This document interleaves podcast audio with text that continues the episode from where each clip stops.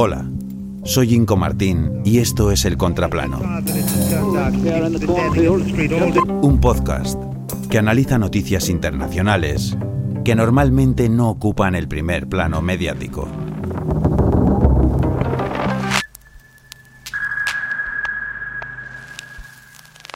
El rey de los lunáticos.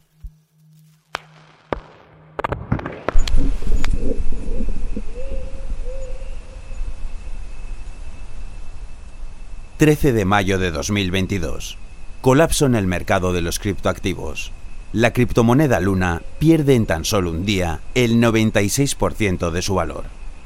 Tras un ascenso meteórico, la niña bonita de la empresa Terraform Labs hace crack.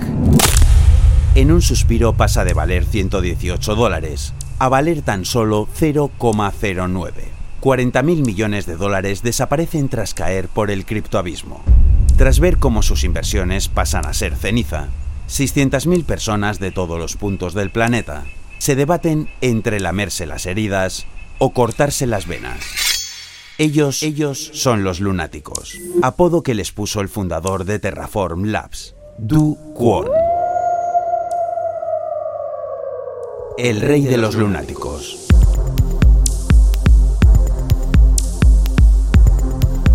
Nacido en Seúl hace 31 años, Du Kwon es un cerebrito que se licenció en informática por la Universidad de Stanford.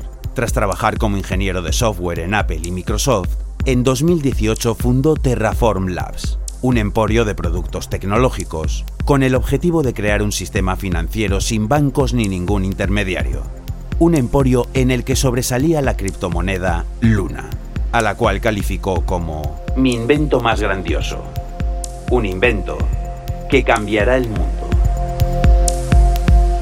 Piquito de oro y sobrado de ego, Duquan no dudó en lucirse en redes sociales criticando a todo aquel que dudaba de su proyecto, y siendo tan solo un veinteañero, logró convencer a miles de peces gordos del mercado financiero para que invirtiesen en su criptojoya, para que se convirtiesen en su séquito de lunáticos, para que se convirtiesen a su fe, Terra y Luna. Estoy desconsolado por el dolor que ha causado mi invento. Eso es lo que dijo tras el multimillonario desplome de Luna, una caída tan brutal que llevó a los Estados Unidos y a Corea del Sur a acusarle de orquestar un fraude de criptoactivos multimillonario y a pedir su cabeza. ¿Dónde se metió Duquon? Se esfumó en el abismo geográfico del planeta. Huyó al ordenarse su arresto y no fue visto hasta marzo del 2023 en Podgorica, Montenegro, donde intentaba coger un vuelo con destino a Dubái.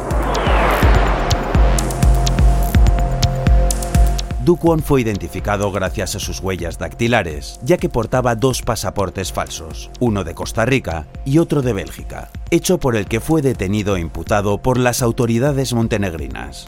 Dukwon se declaró inocente y alegó que había obtenido los documentos de una supuesta agencia china y que desconocía que fuesen falsos. Si hubiera sospechado que era un pasaporte falso, no habría viajado a muchos países.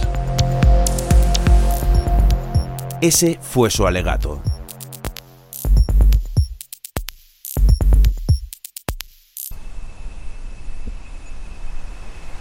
Seguramente al tribunal le pareció un alegato muy ingenioso, a la altura de su apodo.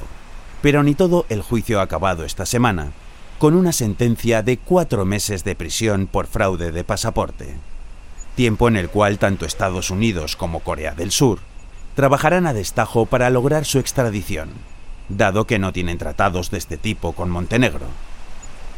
A juzgar por su ingenio y altas capacidades, Seguro que a lo largo de los próximos meses veraniegos, el rey de los lunáticos encuentra la manera de ver la luna a través de las rejas y de imaginarse que la ve tumbado en una hamaca en alguna de las hermosas playas montenegrinas, escuchando el suave ir y venir de las olas y disfrutando de un delicioso mojito.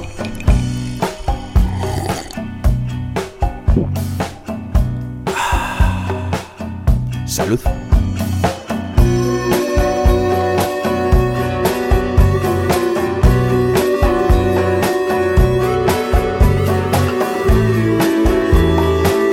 Locución y diseño sonoro, Inco Martín.